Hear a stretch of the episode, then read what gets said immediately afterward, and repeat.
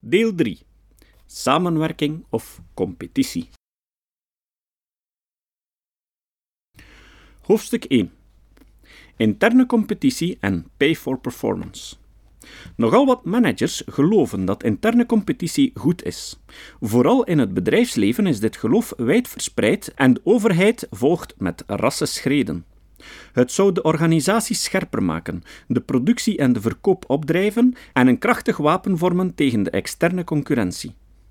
De impliciete aanname daarbij is dat interne competitie leidt tot een soort van gezonde spanning.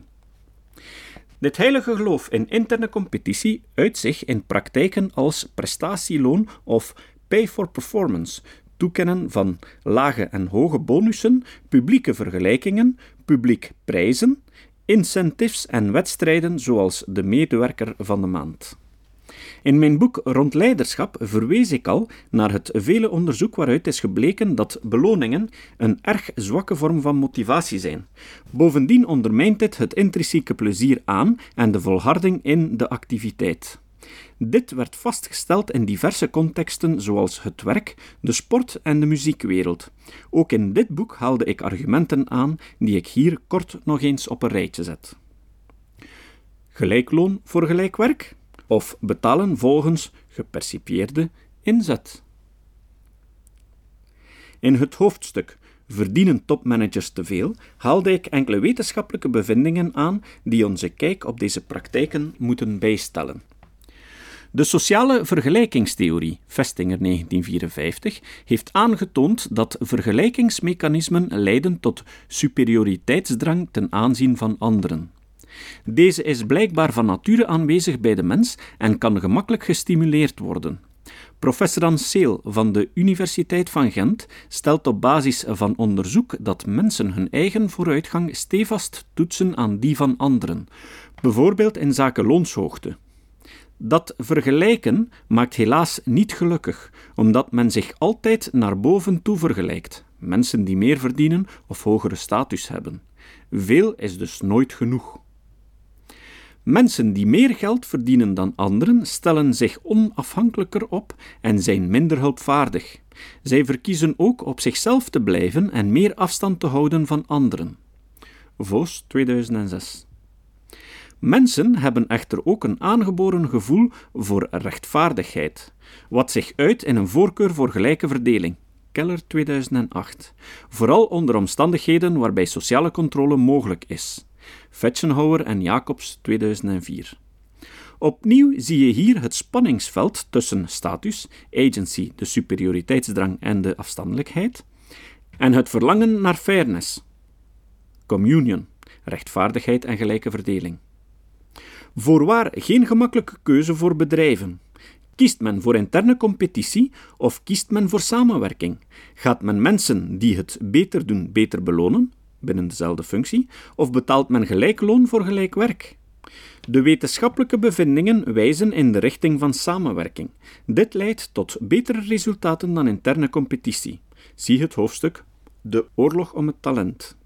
Bovendien heeft interne competitie negatieve effecten op de gezondheid als gevolg van stress en het spillover-effect. In De oorlog om het talent en Evidence-based management haal ik nog ander relevant onderzoek aan. Prestaties fluctueren van nature en van week tot week. Roth, 1978. Talent is in de meeste gevallen niet het werk van één getalenteerde persoon alleen. Ook de omkadering, zoals de impact van de coach, telt. Kaan 1993. Onderzoek naar teameffectiviteit toont aan dat ervaring met samenwerken veel meer bijdraagt tot de effectiviteit dan individueel talent. Hackman, 2002. Door het Attraction Selection Attrition proces gaan de prestaties van mensen steeds meer op elkaar lijken. Schneider, 1987. Ik citeer ook nog kort enkele bevindingen uit mijn boek rond leiderschap. Grote loonverschillen leiden tot minder samenwerking, minder prestaties en lagere kwaliteit. Bloem, 1999. Reicher, Halsam en Plateau, 2007. Hoe groter het verschil in loon tussen de lagere bedienden, wat een pejoratieve naam, En het topmanagement, hoe flatterend. Hoe slechter de productkwaliteit. Coward en Levine, 1992. Een meta-analyse over 39 studies toonde eveneens aan dat er geen verband was tussen prestatieloon en kwaliteit. Alleen voor erg saaie handenarbeid kon prestatieloon mensen aan het werk houden, wat de auteurs doet besluiten dat het in feite om frustratieloon gaat. Jenkins et al. 1998. Ook Pfeffer en Langton, 1993, stelden vast dat grote loonverschillen de groepsproductiviteit verminderen. De enige studies die positieve effecten laten zien, tonen zonder uitzondering aan dat het gaat om relatief eenvoudige, gemakkelijk te meten taken. Amabile et al. 1990, Mandera et al. 2007, Catsby et al. 2007, Locke et al. 1980. Bij een recente, nauwkeurige review van een meta-analyse waarin de auteurs in hun eindconclusies hoog opgaven over vermeende positieve effecten van extra financiële beloning, bleek, tot verrassing van de onderzoekers Gagné en Forrest 2008, dat er heel wat nuances waren. Zo hadden geldelijke stimulansen a. een positief effect op kwantiteit, maar niet op kwaliteit. b wel een positief effect in productieomgevingen, maar niet in dienstverlenende bedrijven. En C. Wel een positief effect op eenvoudige en vervelende taken, frustratieloon, maar een negatief effect op complexe zaken.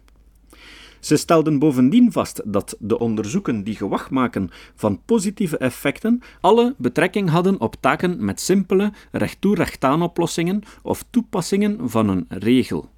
Dus toonde deze meta-analyse niets anders aan dan de andere studies, zie het vorige puntje, die aantoonden dat effecten alleen te vinden waren bij relatief eenvoudige en te meten taken.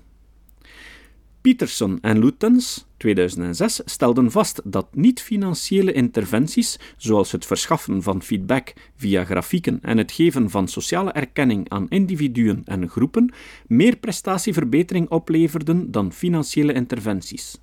Op basis van hun onderzoek concludeerden zij dat alleen wanneer de drie volgende factoren tegelijk aanwezig zijn, pay for performance de prestaties kan verbeteren. Het gaat om een arbeidsintensieve taak. De taak is eenvoudig en routineus tot vervelend. Het loon is laag. Op basis van deze argumenten alleen al zou je verwachten dat bedrijven er dus alles aan zouden doen om grote loonsverschillen te vermijden en samenwerking te bevorderen. Zo zouden ze bijvoorbeeld de regel kunnen invoeren dat het hoogste loon niet meer dan het tienvoudige mag zijn van het laagste loon, zoals bij het Braziliaanse Semco Equipamentos Industriais het geval is. Niets is echter minder waar. Publieke vergelijkingen, incentives zoals exclusieve races en keiharde maatregelen zoals jaarlijks de 10% slechtste mensen ontslaan op basis van een domme gedwongen verdeling op voorhand, zijn nog altijd zeer populair. Maar er duiken nog heel wat andere problemen op met het belonen volgens prestaties en bij het toewijzen van bonussen.